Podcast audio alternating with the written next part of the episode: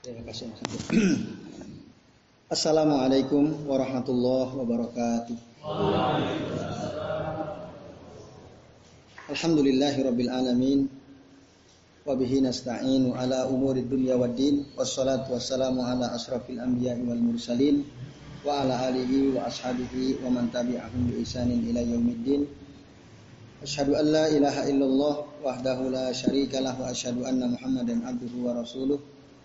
Allahumma salli wa sallim wa barik ala Muhammad wa ala ali Muhammad kama sallaita wa barakta ala Ibrahim wa ala ali Ibrahim fil alamin innaka Hamidum Majid.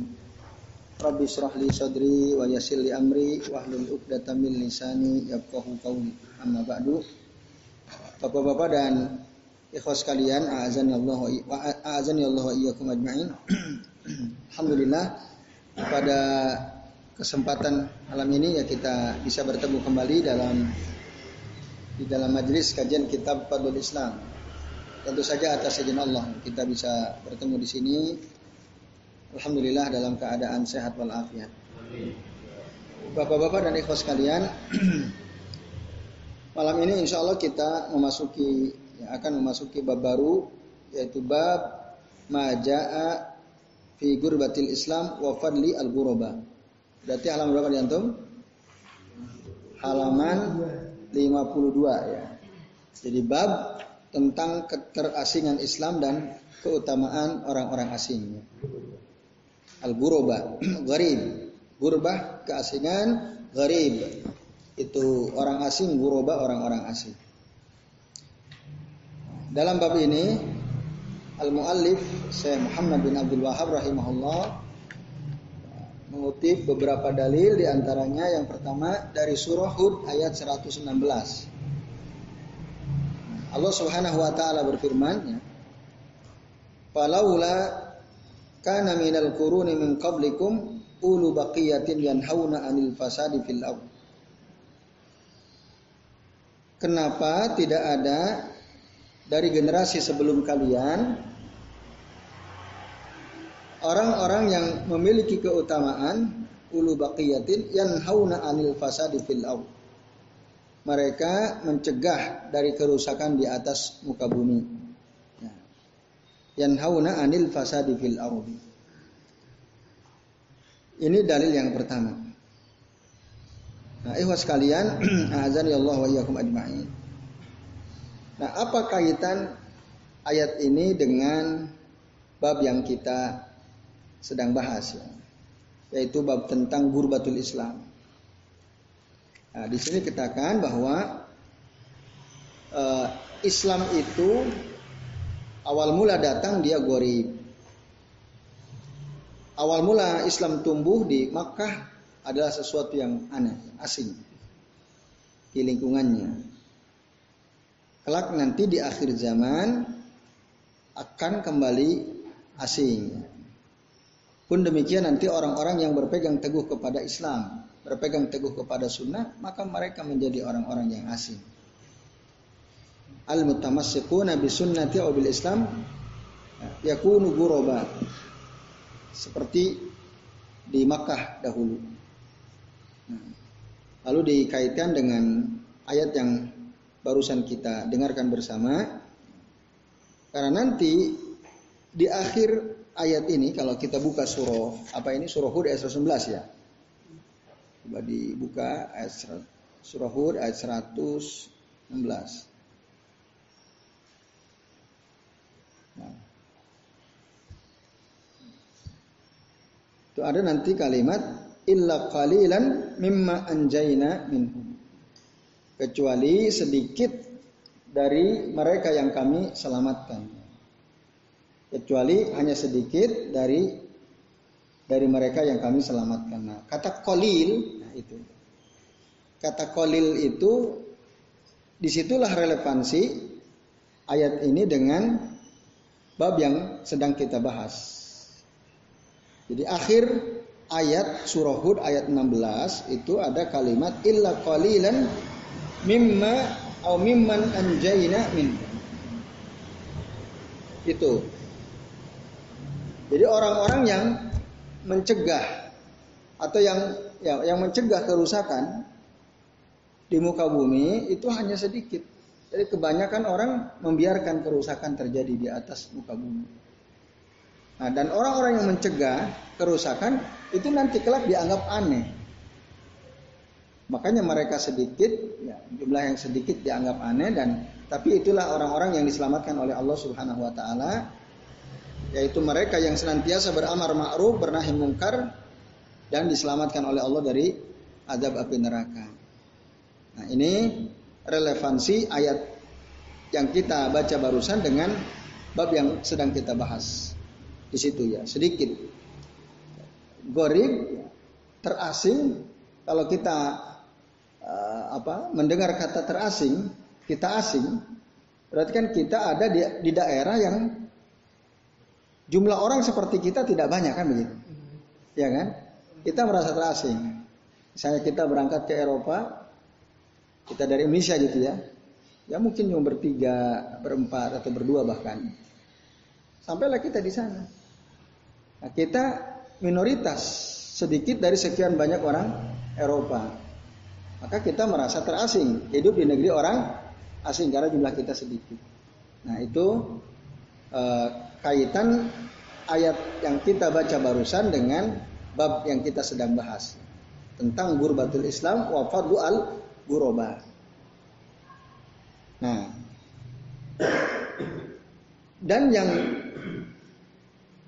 penting lagi dari dari ayat ini dan dari bab yang kita sedang bahas ini adalah orang-orang asing yang dimaksud di dalam bab ini termasuk keasingan Islam, keterasingan Islam itu disebabkan karena kan sesuatu yang asing itu maknanya masih umum kan.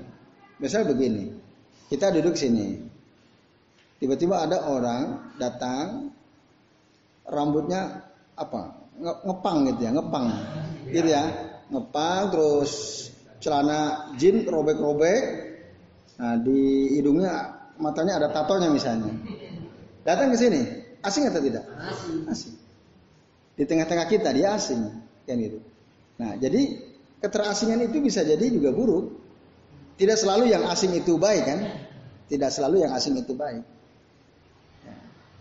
Jadi di tengah-tengah kaum muslimin gitu ya.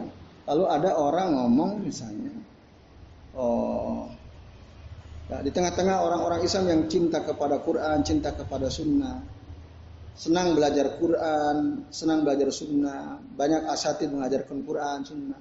Eh tiba-tiba Orang-orang yang suka belajar sunnah, duduk di majelis ilmu, asatid yang mengajarkan sunnah, dibilang teroris misalnya. Asing nggak tuh ya kayak gitu itu? Asing di tengah-tengah orang bener, lalu yang bener dibilang teroris. Artinya tidak setiap keterasingan itu baik. Tapi dalam konteks ini yang kita sedang bahas adalah terasing yang baik ya. Jadi asing sendiri itu masih umum maknanya baik apa buruk. Tapi ketika kita bicara gurbatul Islam, kita bicara padlu al guroba, ini maksudnya keterasingan yang positif, yang baik. Apa indikatornya? Nah, ini kan yang penting.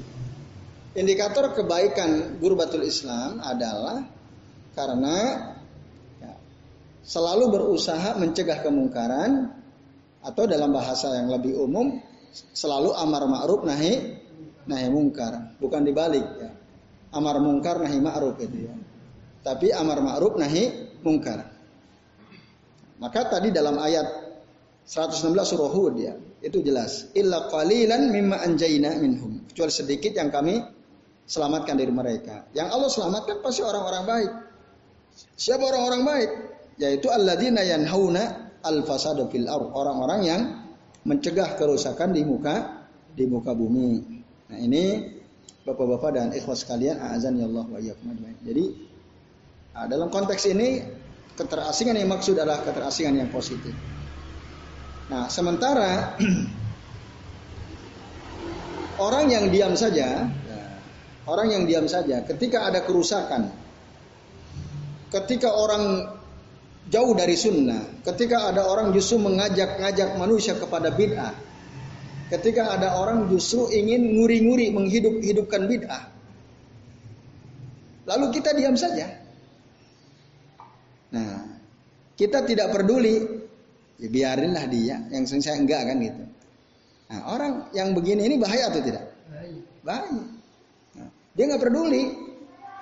Di lingkungannya ada orang yang ngerusak atau ada orang yang uh, duat ila dhalal ya, para penyeru kepada kesesatan atau duat ila al bidah ya, para penyeru kepada perbuatan bidah. Ya kita harus kanter. Kita harus dakwah juga di sana. Kita sampaikan kepada masyarakat bahwa ini sunnah, ini bid'ah. Ini yang sesuai sunnah, ini tidak sesuai sunnah. Yang tidak sesuai sunnah itu adalah bid'ah. Nah, kita harus sampaikan itu. Nah, ini ya. Maka kalau kita baca Bapak-bapak dari host kalian, ayat 117 dari surah Hud, lanjutan dari ayat ini, ada yang hafal? Nah, kan jelas sekali. Wa ma kana rabbuka liyuhlikal qura bizulmin wa ahluha muslihun. Wa ma kana ini lanjutan ayat 117 dari surah Hud. Dari kan 119 ya. Wa ma kana rabbuka dan tidaklah Tuhanmu itu liyuhlikal qura akan menghancurkan suatu negeri. Wa ah zulmin dengan zalim.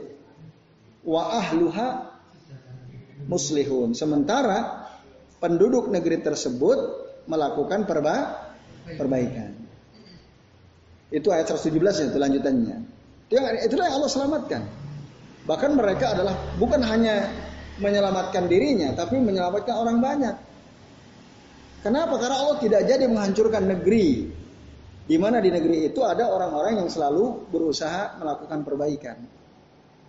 Nah, yang zalim pun akan terselamatkan. Karena adanya orang-orang yang disebut muslih tadi. Muslihun. Nah, ini ya. Bapak-bapak dan ikhwas sekalian. Dan orang-orang yang melakukan perbaikan itu jumlahnya nggak banyak, sedikit. Bahkan nanti dianggap gorib, ya, dianggap aneh dianggap aneh. Misalnya di tengah-tengah masyarakat yang tadi ya nguri-nguri apa oh, kalau ada kematian itu ada tahlilan gitu ya. Udah jalan lama itu. Terus tiba-tiba ada orang katakan, "Oh, ini tidak sesuai sunnah. Ini tidak diajarkan oleh Rasul Shallallahu alaihi wasallam." Nah, sebaiknya kita tinggalkan. Karena sesuatu yang tidak dilakukan Rasul dan Rasul mungkin melakukannya, tapi kemudian beliau tidak lakukan hal itu dan tidak ada penghalang yang menghalang beliau untuk melakukan perbuatan tersebut, berarti itu bukan suatu kebaikan, itu keburukan.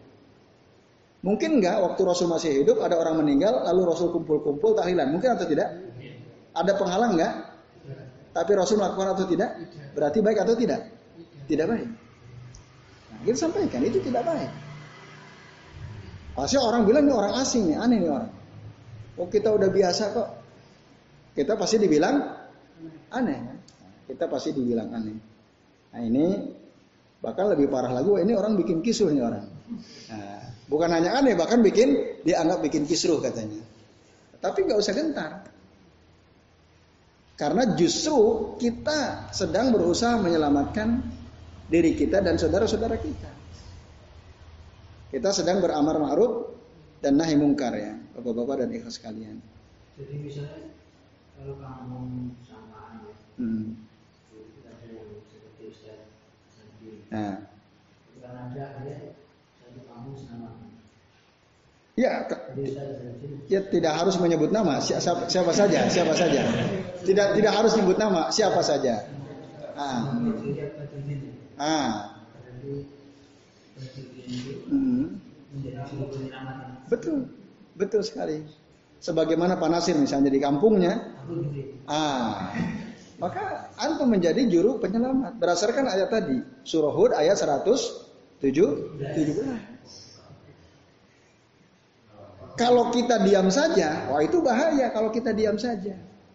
Kita nggak peduli, ya. Padahal di situ ada kemungkaran, di situ ada kesesatan, di situ ada kerusakan. Ya, setiap yang bertentangan dengan Quran Sunnah dilakukan itu satu kerusakan.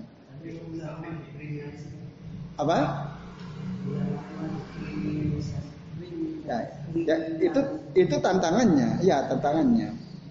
Maka tadi Oh kalau gitu ini orang bikin kisru, udah laporin polisi. Kenapa? Ini orang bikin kisru. Apa alasan bikin kisrunya? Mengobrak-abrik suatu kebiasaan yang sudah mentradisi kan di masyarakat. Dilaporin tuh. Nah, kan gitu. Sempat tuh ada orang menjelaskan bahwa ini bid'ah. Wah, hati-hati antum tadi. Nan antum bikin kisru. ada orang bilang begitu. Antum bikin kisru antum. Hati-hati loh. Bisa ditangkap antum gitu. Nah, kenapa asal? Kenapa asal gitu ya? Kenapa asal? Ah itu tantangan. Nah, ini ya misalnya. Jadi dianggap aneh gitu. Nah, itu memang tantangannya. Tapi tadi sekali lagi sesungguhnya kalau kita kembali kepada Quran dan Sunnah, justru orang-orang yang berusaha menjelaskan mana yang hak, mana yang batil, mana yang sahih, mana yang foto, mana yang uh, sesat, mana yang tidak sesat, mana yang bol, ya, uh, mana yang sunnah, mana yang bid'ah, itu dia menjadi sebab Allah selamatkan negeri tersebut karena masih ada orang-orang itu.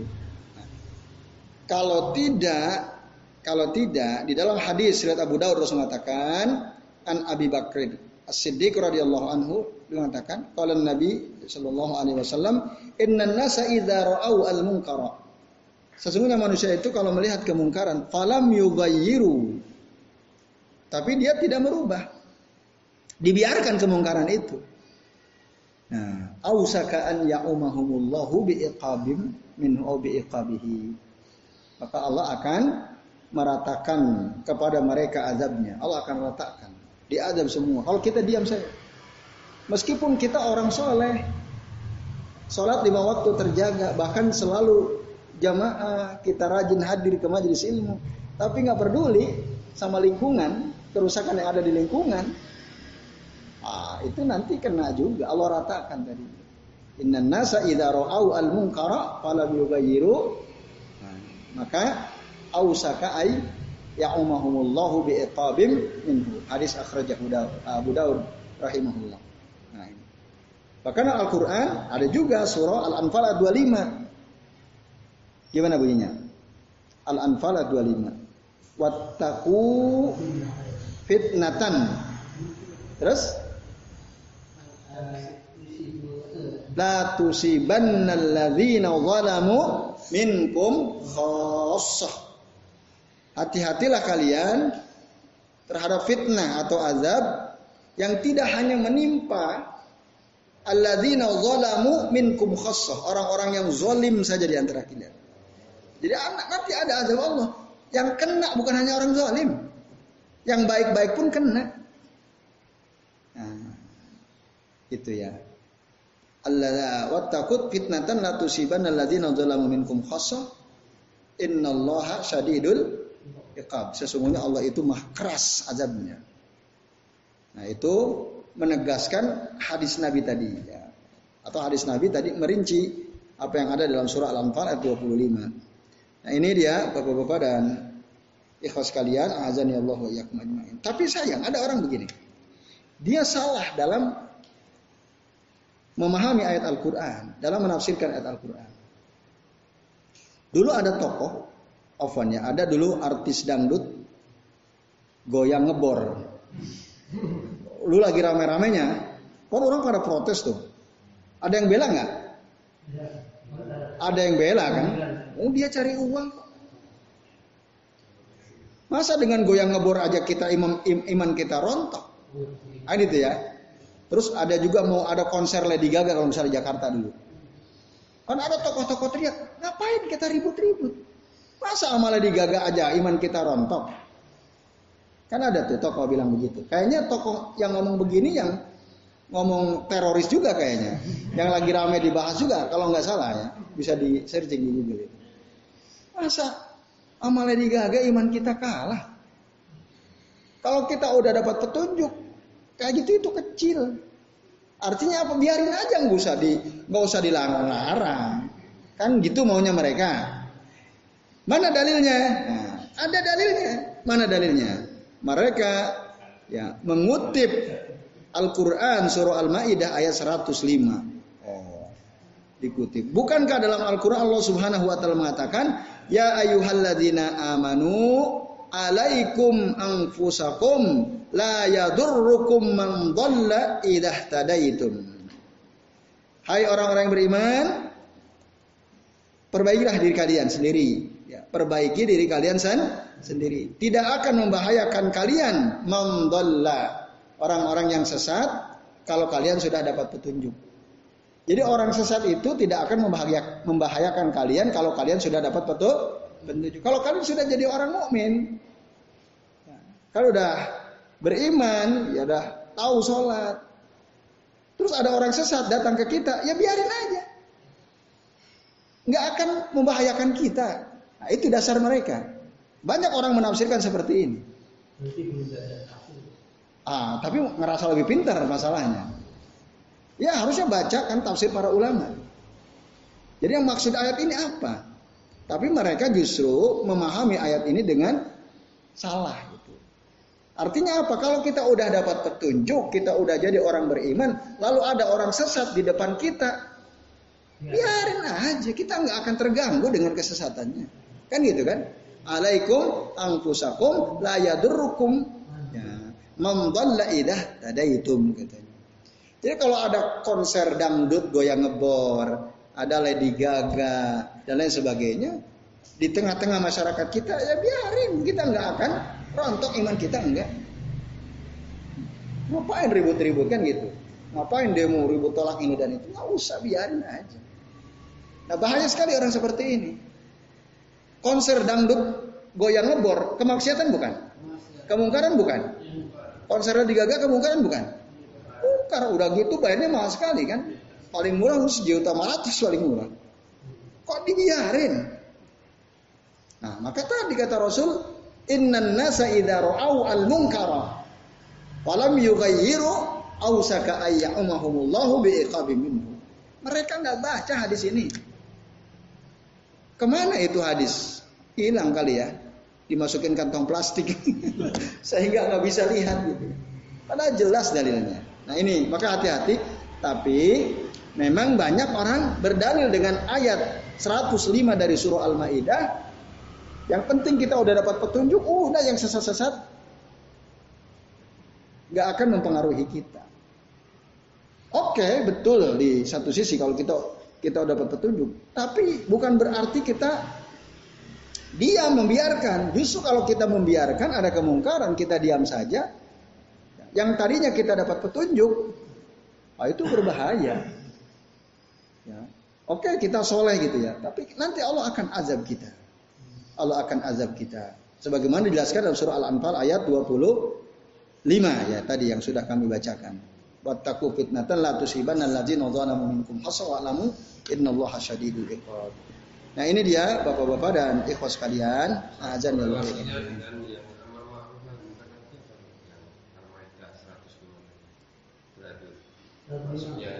Ah, tadi orang berdalil dengan ayat ini.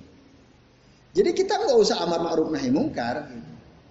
Nggak usah amar ma'ruf nahi mungkar. Kalau kita udah dapat petunjuk, artinya ketika ada kesesatan, kan ini kemungkaran, ya kan? Biarin aja, kita nggak akan terganggu, gitu. Nah, maksudnya tadi orang yang memahami ayat ini dengan cara seperti itu itu nggak benar meninggalkan amar ma'ruf nahi mungkar karena kita merasa kalau kita udah dapat petunjuk lalu ada orang sesat itu aman-aman saja. Nah, tidak begitu. Jadi ayat ini tidak menunjukkan ke arah itu. Bahwa kita kalau sudah dapat petunjuk ada orang sesat, ya biarin aja. Ayat ini tidak menunjukkan kepada ke, ke, ke, ke situ. Artinya apa? Artinya kalau kita udah dapat petunjuk, memang kita nggak bisa disesatkan, tapi bukan berarti kita tidak beramar ma'ruf nahi mungkar, gitu maksudnya. Ah, kita perbaiki diri sendiri, gitu. Terus kita dapat petunjuk kan? Ah. Ah, dengan yang orang sesat kan? Tapi ya kalau ada kesesatan kita harus gerak. Kita harus amar ma'ruf nahi nahi mungkar itu.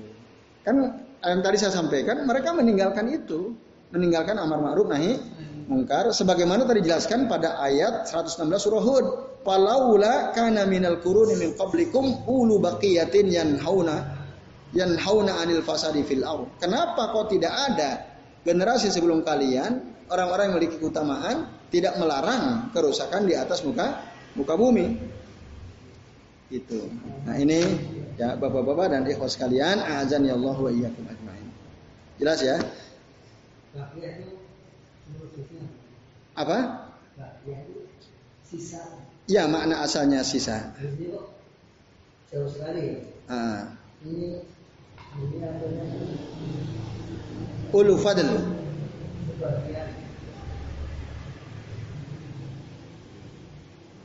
Tidak tidak mengapa. Mengapa tidak ada di antara kalian?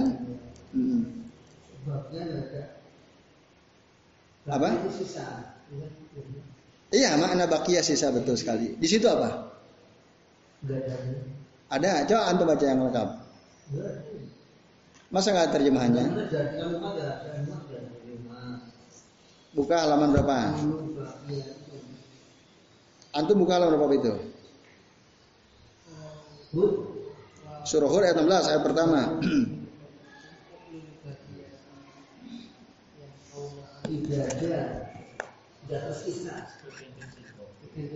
Sebagai Coba lihat, baca lagi. Pelan-pelan bacanya. Maka mengapa tidak uh. dari umat-umat sebelum saya? Hmm.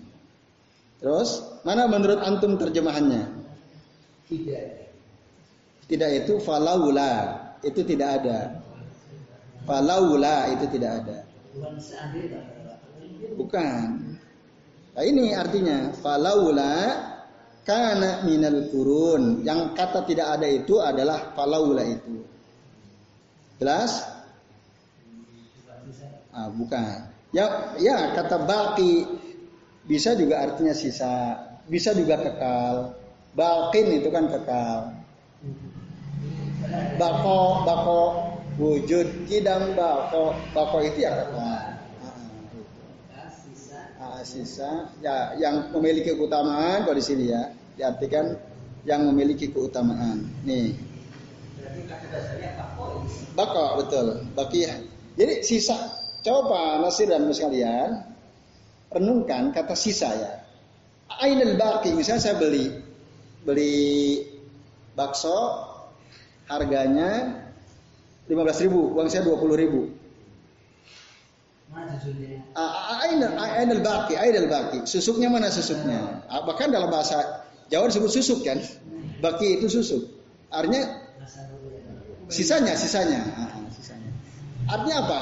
Baki sisa itu kan yang masih ada kan, yang masih ya kalau kita kaitkan dengan kata bako yang masih ada kan gitu. Ah, atau dalam bahasa lain turahannya mana kan gitu. Nah itu. Jadi bukan tidak. Ya, Nah kalau dalam tafsir Ibnu Al-Jauzi beliau mengatakan bahwa makna baqiyah itu ya sini disebutkan kaumun lahum baqiyah aw fihim baqiyah. Kenapa disebut fihim baqiyah? Idza kanat bihim uh, idza kanat fihim khairun. Nah, idza kanat fihim khairun ketika dalam di dalam mereka itu ada kebaikan. Maka diterjemahkan ulu baqiyah itu orang yang memiliki keutamaan. Au ulu tamyiz. Ibnu Al-Jauzi mengatakan mengatakan ulu baqiyah maknahu ulu tamyiz. Tamyiz itu maksudnya ya dari kata mumtaz ya.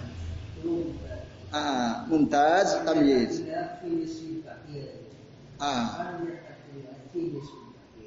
Ah itu lain lagi, kayak itu lain lagi, itu lain lagi. Ah itu yang suruh nikah kan, Nah, kan menyempurnakan sebagian agama. Nah, fal yattaqillah finis fil baqiyah. Maka sebagian lagi, ya itu kalau sebagian lagi sempurnakan. Oke, itu Pak Nasir ya dan sekalian. Oke, itu ayat yang pertama. Nah, kalau ingin lebih luas wawasan tentang kata-kata dalam Al-Quran, ada tafsir Ibnu Al-Jauzi, itu bagus sekali ya. Tafsir Ibnu Al-Jauzi. Nah, itu maka di, disebutnya tafsir jamul akwal. Tafsir yang mengumpulkan di dalamnya pandangan-pandangan sahabat dan tabi'in. Nanti apa? Ada ya. Tafsir Ibnu Al Jauzi atau di antum cari di di maktabah wakfia ya filenya bisa dicari. Tafsir Ibnu Al Jauzi. Oke itu. Lalu kemudian bapak-bapak dan ikhlas kalian, dalil yang kedua yang disebutkan an Abi Hurairah radhiyallahu anhu marfu'an. Dari Abu Hurairah radhiyallahu anhu hadis marfu, maksudnya marfu itu sampai kepada Nabi sallallahu alaihi wasallam. Bada al-Islamu gariban. Islam datang atau uh, awal mula Islam datang itu garib asingnya. Wasayaudu kama bada al-gariban dan Islam akan kembali sebagaimana awal mula datang yaitu asing kembali ya. Fatuba lil guroba. Nah, fatuba lil guroba. Maka apa tuh tuba di situ berbahagia berbahagialah bagi orang-orang yang asing, orang-orang yang nah, di pada hadis pertama ya al-ghuraba itu orang-orang yang asing. Nah, tapi bapak-bapak dan ikhwas sekalian, nah lagi-lagi saya mengutip dari tafsir Ibnu Al Jauzi. Ya, di, di dalam tafsir Ibnu Al Jauzi kata guroba itu ada lima, ada lima arti, ada lima arti berdasarkan pandangan dari para ulama, sahabat dan tabi'in ya. Pertama, makna guroba itu adalah ismu sajaratin fil jannah. Nama pohon di sorga. Jadi di sorga itu ada pohon namanya pohon tuba. Dan ini berdasarkan hadis Nabi SAW dari Abu Sa'id Al-Khudri radhiyallahu anhu. Qala Nabi sallallahu alaihi anna rajulan qala sesungguhnya ada seorang laki-laki berkata, "Ya Rasulullah, ma tuba?" Duhai Rasul, apa itu tuba? Ya orang Arab aja nanya, "Ya tuba itu apa tuba?" Kalau di kita apa? Air susu sebelanga Air susu sebelanga gimana? Hah? Air, air susu? Oh, air susu dibalas air tuba. Apa itu air tuba? air susu dibalas air tuba ya? Ada ya? Apa itu air tuba? Air? Air comberan ya? Nah itu. itu dalam bahasa kita ya. Ah. Hmm. Nah itu perlu perlu ditelusuri itu asal usul kok air tuba jadi jelek. Padahal kata tuba itu kan dari kata toyib asal mulanya. Toyib tuba itu baik. Kok jadi jelek? Itu nggak tahu tuh. Sejarahnya gimana tuh sejarahnya ya? Albir itu kan juga ah. Kalau itu nah itu dia. Iya, iya. Ya, kira-kira begitu lah. Ya, ya.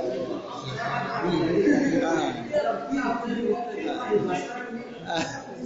Ya. Ah. Ah. Untuk meracun ikan. Ada berarti pohon tuba ya? Oke. Okay. Di ya. dalam bahasa Indonesia ya. Tapi ada yang pernah nggak lihat pohon tuba? Nggak belum pernah ya. Kalau kalau dalam bahasa hadis Nabi, tuba itu pohon, pohon surga. Ya tadi kan dia bertanya ya Rasulullah, ma tuba? Qala sajaratun fil jannah. Tuba itu adalah pohon di surga. Kalau di Indonesia, pohon yang rasanya pahit. Iya kan, Panar ya? Dalam kamus besar bahasa Indonesia bukan? Dalam ensiklopedia bahasa Indonesia. Oh. Nah, ini ini menarik kan? tuba dalam bahasa Indonesia pohon tuba yang rasanya pahit. Tapi dalam hadis tuba itu saja rotun fil fil jannah. Dari hadis riwayat Abu Sa'id Al-Khudri. Lalu apa kata Rasul? Masih rotu mi'ati sana. Ya. Jadi ininya naungannya, naungan pohon tuba itu dari satu sisi ke sisi yang lainnya kalau kita mau tempuh, kita mau tempuh, kita butuh perjalanan mi'atu sana 100 tahun. Itu pohon. Pohon naungannya kalau kita mau tempuh itu pohon di sorga. Naungannya itu jauh sekali. Saking jauhnya, seandainya kita mau tempuh, kan kalau ada pohon beringin nih, kalau antum ukur diameter naungan pohon beringin berapa kira-kira? Berapa meter? 50 meter ada kira-kira? Enggak lah.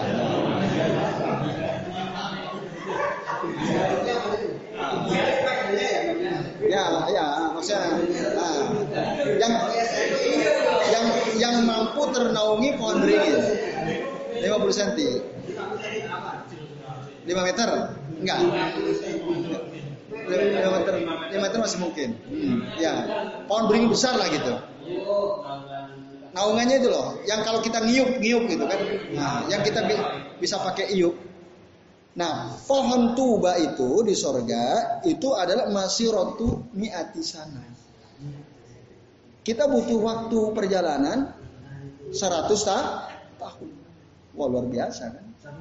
100 tahun. Kira-kira Pak Nasir mampu nggak berjalan 100 tahun? Belum nyampe udah mati dulu kita kan? Nah ini ya, itu satu. Jadi tuba itu sajaratun fil jannah. Yang kedua, annahu ismul jannah bi al habasyiyah. Tuba itu bahasa habas bahasa habasyiyah. Uh, bahasa Habasyah itu Ethiopia ya di Afrika. Orang Afrika bilang surga itu tuba. Gitu. Tuba. Tuba. Itu yang kedua, makna tuba. Ini juga dari Allah bin Abbas radhiyallahu anhu. Yang pertama tadi pohon dalam surga berdasarkan hadis Nabi dari Abu Sa'id Al Khudri. Ah, termasuk juga dari Abu Hurairah radhiyallahu anhu. Kemudian yang ketiga ana makna tuba farahun wa qurratu ainin lahum. Kebahagiaan. Nah, farah itu kebahagiaan. Qurratu ayun atau qurratu ain ya sesuatu yang membahagiakan. Itu tuba. Maka tuba lil ghuraba artinya orang-orang yang terasing karena dia berusaha beramar ma'ruf nahi mungkar, mencegah kerusakan di muka bumi, sementara orang banyak ikutin syahwat, ngikutin uh, syahwat dan syubhat, dia enggak ngikutin sunnah al-haq gitu ya. Di tengah-tengah orang yang senang mengikuti syahwat dan syubhat, kan jadi garib dia guraba. Nah, orang yang tetap bertahan dalam kegoribannya, keterasingannya di tengah-tengah orang yang rusak, maka dia akan dapat tuba. Apa itu tuba tadi? Farah. Au qurratu ainin lahum. Dia akan dapat kebahagiaan. Itu adalah makna tuba dari Ali bin Abi Thalha dan dari Abdullah bin Abbas. Kemudian yang ketiga empat, tuba itu artinya nu'ma. Nu'ma itu artinya nikmat. Nu'ma lahu ni'ma ma lahum. Betapa nikmatnya apa yang mereka dapatkan. Itu makna tuba. Lalu yang kelima makna tuba itu gibotoh. Ya gibototun lahum. Atau khairun eh, maaf gibtoh apa gibtoh. Gibtoh itu iri dalam kebaikan itu gibtoh namanya. Yang dibolehkan ya? Jangan. Ah, ah, kalau hasil nggak boleh. Tapi nanti dalam hadis la hasada illa fisnatain kan? Tidak boleh ada iri kecuali dalam dua perkara itu kan? Tapi hasad dalam arti ini maksud gibtoh. Apa bedanya gibtoh dengan hasan? Kalau hasan, ya kita tidak senang melihat orang lain bahagia, ya atau melihat orang lain senang, ya. Susah melihat orang lain senang. Semos ya, susah melihat orang senang. S apa? SMS, susah melihat SM, SMOS ya, susah melihat orang senang, senang melihat orang susah. Itu hasad tuh. Kalau ada orang kesulitan dia senang dia. Alhamdulillah, syukurin kan gitu. Itu itu hasad tuh. Ah? Ya itu, itu di luar di luar ini lah. Yang penting orang hasad itu kalau ada orang senang dia kesusahan, tapi kalau ada orang susah dia senang. Kalau gibtoh nggak begitu. Dia senang kalau ada orang senang. Tapi dia juga ingin mendapatkan kesenangan sebagaimana yang didapatkan oleh orang itu. Dan dia sama sekali tidak berharap kesenangan itu hilang dari orang orang tersebut. Kalau orang iri, orang hasad itu, bahkan dia ingin, ya bukan hanya dianya susah, tapi dia ingin kesenangan yang dirasakan oleh orang itu hilang. Itu itu hasad. Gibto enggak. Misalnya Pak Nasir orangnya rajin sholat lail, rajin baca Quran. Sementara kita enggak serajin beliau misalnya. Kita ngelihat dia, aduh kok Pak Nasir usianya sudah 60 lebih, tapi sholat lainnya luar biasa. Baca Quran luar biasa. Hadir ke majelis ilmunya semangat luar biasa.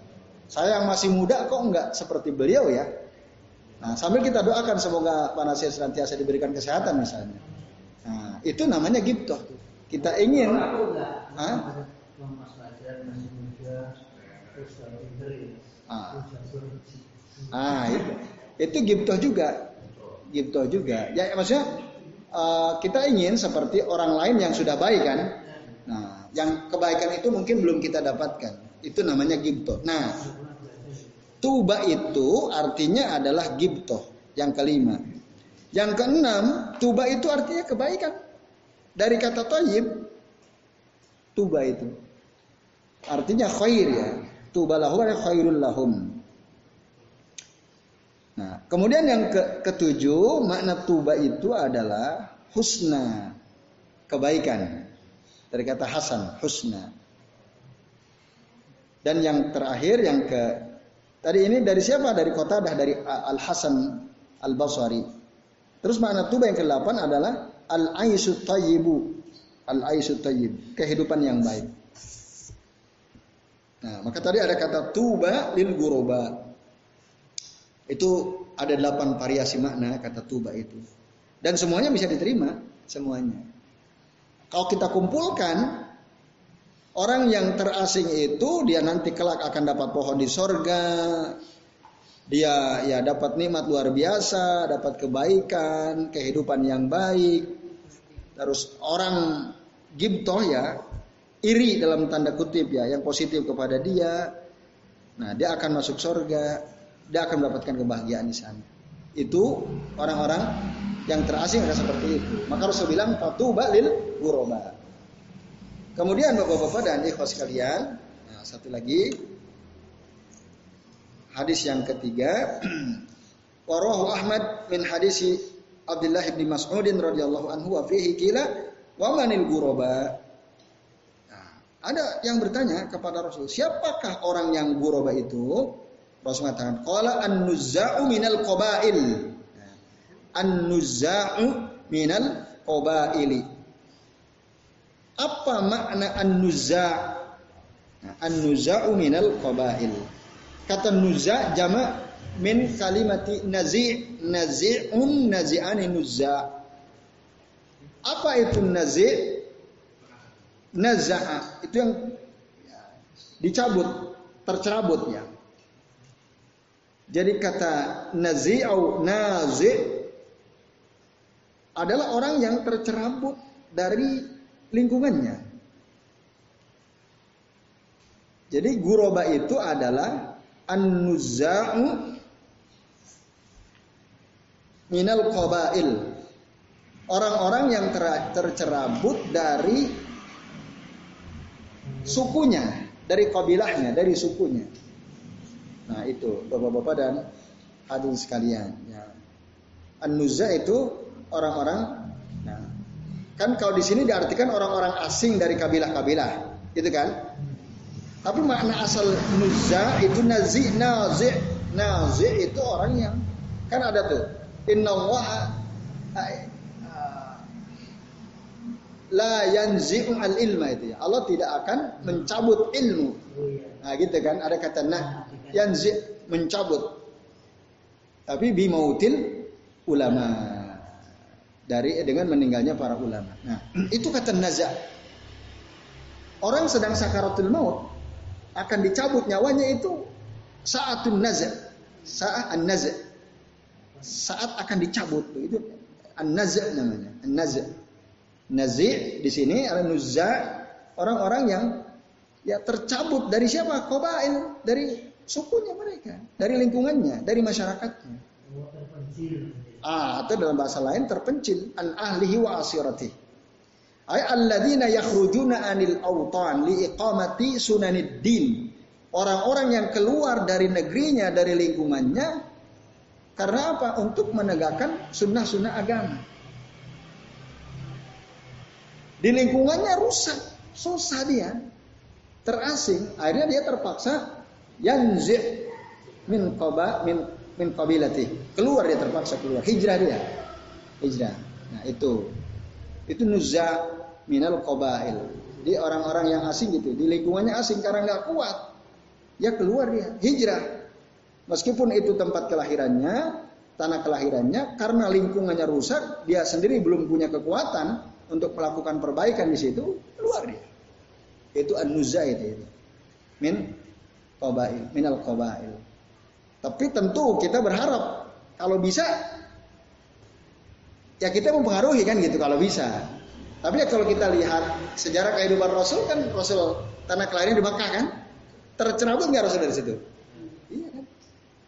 Tapi hebatnya kan ketika sampai di Madinah, di Madinah kan banyak orang Yahudi Nasrani juga kan.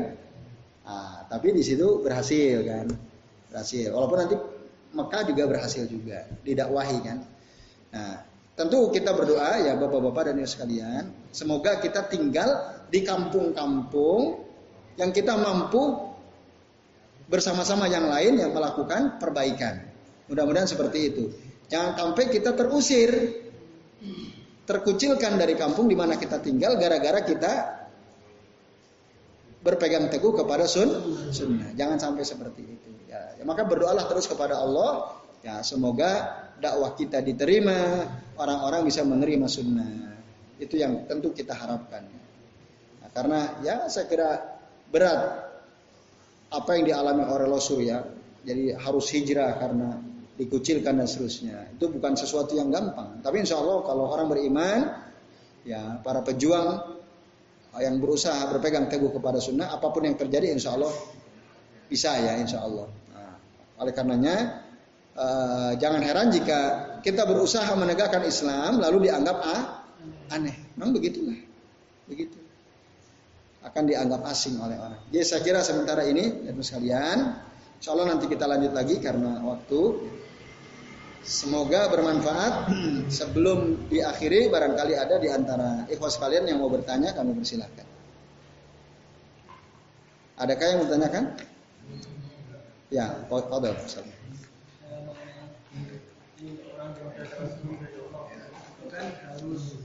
Orang yang ah hmm.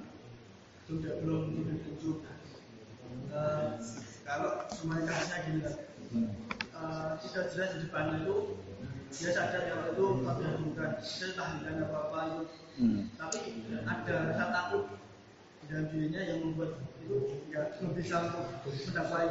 Uh. Itu mungkin gimana caranya biar atau gimana cara biar itu bisa bisa hilanglah rasa takutnya. Hmm. Biar tidak berdampak kepada masyarakatnya. Hmm. Oke okay, baik. Ada pertanyaan dari Mas Abdo ya. Jadi kita udah paham ya mana yang sunnah mana yang bid'ah. Kemudian di lingkungan kita ada perkara bid'ah tapi dihidupkan, dihidup-hidupkan, dijaga betul oleh masyarakat. Sementara kita udah paham bahwa katakanlah itu adalah bid'ah. Kita mau melakukan perbaikan, tapi kita takut. Pertanyaannya gimana caranya untuk menghilangkan rasa, rasa takut itu kan gitu. Caranya ya berdoa minta sama Allah. Dan jangan takut. Fala takhafuhum wa khafuni kan gitu Allah bilang. Janganlah kalian takut sama mereka. Tapi takutlah kalian kepa kepadaku. Nah itu kita bisa sirik tuh takut sama para pelaku kemungkaran ya, para pelaku perbuatan bid'ah. Nah, oh kita takut kecuali kalau mereka pada bawa pedang parang itu ya. Nah itu mungkin oke okay lah. Kalau enggak kita nggak usah takut gitu. Dakwahnya gimana? Ya jangan frontal. Masa orang lagi ngadain acara bid'ah? Eh kalian nih bid'ah. Di tengah-tengah mereka. Gimana kira-kira? Habis nggak kita tuh? Ya habis. Nggak begitu caranya. Dekati satu-satu. Yuk kita ajak ngaji. Nah, yuk kita pelajari ini. Pelan-pelan Nanti lambat laun orang kan paham. Oh, oh, oh. Orang itu ikut-ikutan karena nggak tahu ilmu kan. Kalau kita kasih tahu ilmunya, lambat laun dia akan paham. Yaitu Mas Abdul. Nah, itu caranya. Jadi pelan-pelan dekati, lakukan PDKT Ya, kepada orang-orang sampaikan ilmu. Nah, yang kokoh tentu saja, jangan ilmu katanya-katanya. Kata ustadku begini, kata ustadku begini itu nggak kokoh ilmunya. Kita sampaikan kata Rasul begini, hadisnya begini, ada dalam kitab ini. Nah, nanti orang oh iya ya, oh iya. Ya. Nah, nanti akan insya Allah akan ada perubahan sambil terus tentu saja memohon pertolongan kepada Allah Subhanahu Wa Taala dan supaya Allah melindungi kita. Jadi itu maksudnya. Allah Taala alam Yang lain cukup? Cukup ya? Oke baik. Nah mudah-mudahan sudah jelas ya. Nanti insya Allah kita lanjut lagi. Dan kita berdoa ya untuk kita semua tentu saja. Semoga kita dijadikan orang-orang yang muslim ya. Muslim itu apa tadi? Mampu melakukan perba perbaikan ya di mana pun dia berada di lingkungan, di kantor, di teman-teman dan seterusnya. Karena orang-orang yang muslim itu tadi menjadi sebab Allah tidak akan meng mengazab lingkungan kita karena ada orang muslim di situ. Jadi kita berdoa sekali lagi semoga bapak-bapak dan ibu sekalian kita yang hadir di sini oleh Allah dijadikan al-muslihin orang-orang yang melakukan perbaikan. Demikian apa yang bisa kami sampaikan. Mohon maaf jika ada kesalahan. Sebelum waktu saya kembalikan ke Mas Abdo selaku pembawa acara. Saya akhiri ya sallallahu ala Muhammadin wa ala alihi wa sahbihi wa baraka wa sallama ajmain. Billahi taufiq wal hidayah. Wassalamualaikum warahmatullahi wabarakatuh.